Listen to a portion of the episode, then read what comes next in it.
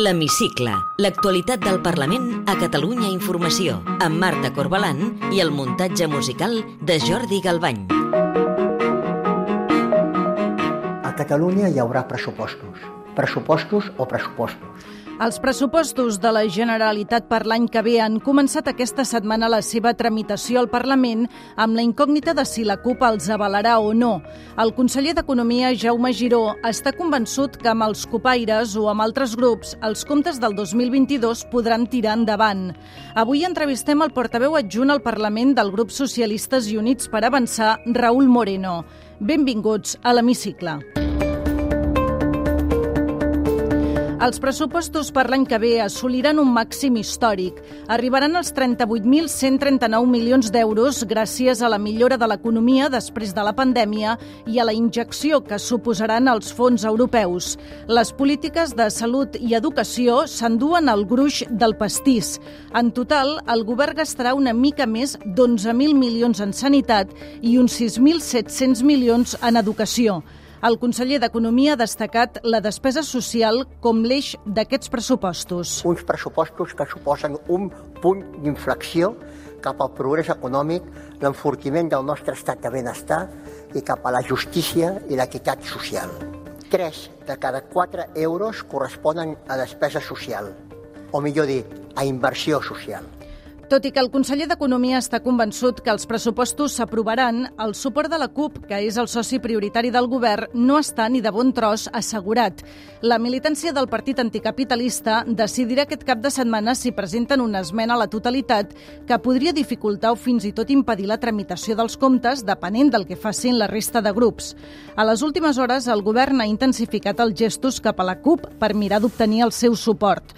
L'executiu de Pere Aragonès, per exemple, s'ha compromès a no assumir cap cost del macroprojecte hoteler i d'oci conegut com a Hard Rock i, a més, garanteix que no formalitzarà cap candidatura per als Jocs Olímpics d'hivern al Pirineu del 2030 fins que no s'hagi fet una consulta ciutadana l'any que ve. Per mirar de convèncer la CUP, el govern també està disposat a retirar-se de totes les acusacions contra manifestants si no es pot acreditar l'autoria de les agressions als Mossos, a revisar el paper de la Brimo als desnonaments i a rebaixar les ràtios en educació, entre altres qüestions. Veurem si aquesta última proposta del govern convenç la militància de la CUP. Per ara, els copaires han donat senyals que les coses no van bé. Sentim el seu diputat, Xavier Pellicer. Ja venim avisant de que les coses massa sovint s'estan fent tard i malament. I en aquest marc trobem que és com a mínim arriscat aprovar uns pressupostos per part del govern sense un acord. El president Pere Aragonès ha avisat la CUP que sense pressupostos no es podrà desplegar l'acord d'investidura. Sense pressupostos no podrà haver-hi el pla pilot de la renda bàsica universal, ni l'educació a dos anys gratuïta, ni el pla de xoc social, ni els 750 milions per l'habitatge digne. Per tant, estic convençut que la voluntat de transformació es posarà per sobre de les consideracions polítiques i aconseguirem tirar endavant el pressupost amb el suport dels nostres socis d'investidura.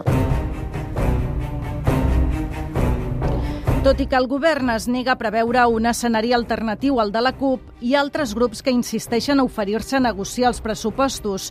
És el cas del PSC, tot i que la seva portaveu, Alicia Romero, ha advertit que aquests comptes no els agraden i s'haurien de millorar. El que diem al govern de la Generalitat és que per nosaltres no quedarà que hi hagi uns pressupostos. Com articularem això? Veurem com avancen els propers dies. Per això he dit que en aquests moments els escenaris estan tots oberts. Els comuns també estan disposats a negociar els pressupostos, però la seva cap de files, Jessica Albiach, ha fet aquest avís. Nosaltres ara mateix, si ningú ens truca, i arriba el dia 22 i ningú ens demana de negociar, presentarem una esmena a la totalitat perquè considerem que n'hi ha mancances importants en aquests pressupostos. Vox, el Partit Popular i Ciutadans també donen per fet que hi presentaran una esmena a la totalitat. Sentim els diputats Antonio Gallego, Eva Parera i Nacho Martín Blanco. Las bases sobre las que se apoyan los números, pues no es de nuestro agrado.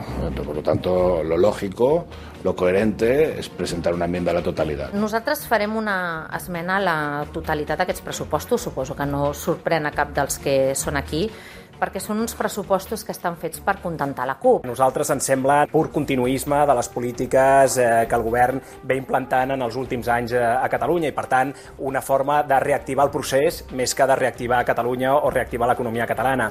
El debat i votació de les esmenes a la totalitat es farà el 22 de novembre i la votació definitiva dels pressupostos està prevista per abans de Nadal. Té la paraula soc en Raül Moreno, diputat al Parlament de Catalunya i portaveu adjunt del grup parlamentari Socialistes i Units per Avançar. Aquesta setmana ha començat la tramitació parlamentària dels pressupostos de la Generalitat per l'any que ve, després que el govern els va aprovar dimarts passat. Al PSC li agraden aquests pressupostos? no són els pressupostos que nosaltres voldríem eh, per a aquest país. Tenim altres prioritats, els estem analitzant, estem veient algunes coses que, que no ens agraden, són pressupostos que salven d'altres coses gràcies als fons europeus eh, i veiem que hi ha algunes eh, de les primeres eh, ullades que estem fent en aquest poc temps que ens han deixat per poder valorar-ho hi ha algunes coses que són francament millorables i que nosaltres a les comissions doncs, estem explicant i que, i que considerem que és un, és un pressupost molt millorable. Quines partides, si entrem en detall, serien millorables per al PSC? Doncs mira, les que tenen a veure amb reactivació econòmica. Aquí tenim un element fonamental perquè si volem recuperació social cal reactivar econòmicament eh, el país. Per altra banda, també tenim, tot i que es presenta un, un creixement en drets socials, aquest bé, entre altres coses, pel traspàs de les polítiques d'habitatge, però pel que fa al sistema de protecció social no veiem que hi hagi una inversió molt millor de la que existia eh, abans. Eh, també tenim alguns dubtes des del punt de vista de la, de la gratuïtat de, de, del 03 pel que fa a la, als dos anys, no? al P2. No? Considerem que amb els diners que proposa aquests, aquest pressupost difícilment podrem arribar a una gratuïtat total eh, pel conjunt de la ciutadania. Hi ha algunes coses que veiem que no eh, surten ben reflectides, no? i d'altres doncs, que, evidentment, eh, van a la bola nília, però no són uns pressupostos bons per Catalunya en termes generals. El PSC s'ha ofert insistentment al govern per negociar els pressupostos perquè volen que Catalunya tingui uns nous comptes l'any que ve. Els ha trucat el conseller d'Economia, Jaume Giró per negociar els pressupostos no ens han trucat. Nosaltres el que hem dit és que eh, Catalunya necessita pressupostos, evidentment no podem estar amb uns pressupostos eh, prepandèmics, Uh, I per tant nosaltres estem oberts a que el govern ens pugui trucar i que puguem negociar la millora d'algunes de les partides d'aquests pressupostos i, i arribar a acords, però això és un pas que ha de donar el govern i en aquests moments no, no som en aquest punt. Si el govern no els truca d'aquí al 22 de novembre, que és quan es farà el primer debat parlamentari en ple, el PSC aleshores podria presentar una esmena a la totalitat? Nosaltres estem valorant totes les possibilitats i, per tant, eh, ara estem en el punt d'analitzar aquests pressupostos i d'aquest anàlisi dependrà el nostre posicionament el proper divendres i de l'actitud del govern eh, de si vol eh, triar entre l'estabilitat que ofereix el PSC o la radicalitat de la CUP també eh, es tindrà en compte el nostre posicionament el proper divendres. La CUP, que és el soci prioritari del govern per aprovar aquests pressupostos, decidirà aquest cap de setmana si presenta o no esmena a la totalitat. En cas que els copaires l'acabessin presentant, el PSC ajudaria a tombar aquesta esmena a la totalitat pel que fa als comptes, eh, tenint en compte que vostès eh, volen que hi hagin nous pressupostos i, per tant, que continuïn tramitant-se? El PSC eh, tindrà la seva posició independentment del que faci la CUP. I, per tant, som un, som un partit autònom, capacitat d'anàlisi, i no prenem les nostres decisions en funció del que fa un partit radical. És a dir, la inestabilitat que ofereix la CUP. Uh, doni recolzis i no recolzis aquests, uh, aquests pressupostos, ja l'hem comprovat durant aquests anys. Uh, I, per tant, nosaltres, més enllà del recolzament puntual a uns pressupostos, el que volem és una estabilitat en el país. Diu vostè que el PSC actuarà amb independència del que faci la CUP, però el cert és que si la CUP acaba presentant esmena a la totalitat, el PSC haurà de definir el sentit de vot en la votació d'aquesta esmena a la totalitat. Facilitarien, estar més a prop de facilitar la tramitació dels pressupostos, almenys per poder continuar-los negociant fins que s'aprovin definitivament? No estem en aquest punt. Si hi ha negociació entre el PSC i el govern perquè el govern ha fet algun gest de trucar-nos i de començar a, a parlar eh, dels pressupostos. Això no ha passat encara, nosaltres continuem oberts a poder negociar-los i considerem que és millor que ho facin amb la centralitat del PSC i no amb la radicalitat de la CUP. Si la CUP acabés presentant l'esmena a la totalitat o no avalés els pressupostos definitivament, creu que es trencaria la majoria independentista i el pacte d'investidura saltaria pels aires pel que queda de legislatura? Home, molt cohesionada la majoria independentista tampoc sembla. Ho dic perquè el conseller, en aquest moment el president de la Generalitat, el senyor Aragonès, eh, ens va explicar que el pacte d'investidura aniria també relacionat amb un pacte de pressupostos i no només han arribat tard, no hem tingut pressupostos quan ell va dir que, que els tindríem, sinó que resulta que no té tancada la majoria parlamentària per aprovar-los. Per tant, la inestabilitat d'Esquerra Republicana Junts i, Esque i la CUP no és d'ara, és de fa molts anys. I, per tant, tornem a estar al mateix punt, amb una CUP que intenta influir en la majoria parlamentària, de la qual no et pots refiar, perquè en qualsevol moment consideren que ja ha posat punt i final a una majoria parlamentària i per tant la trenquen. No? És aquesta inestabilitat el que fa que el país no avanci. Els comuns estan oberts a aprovar o a negociar els pressupostos si hi ha un pacte, podem dir-ho així, a tres bandes, eh, que s'avalin els pressupostos catalans, els pressupostos espanyols i els de l'Ajuntament de Barcelona. Com veu aquesta proposta, tenint en compte que vostès, els socialistes, també formen part del govern espanyol, evidentment, i del govern barceloní? Jo crec que són tres uh, escenaris diferents. Parlem de tres pressupostos diferents, amb tres finalitats diferents. Amb una salvetat, si no hi ha pressupostos al govern d'Espanya, difícilment aquests pressupostos poden ser realitat. És així, perquè la gran majoria de l'increment econòmic que es produeixen els pressupostos de la Generalitat venen per les transferències estatals i per fons europeus.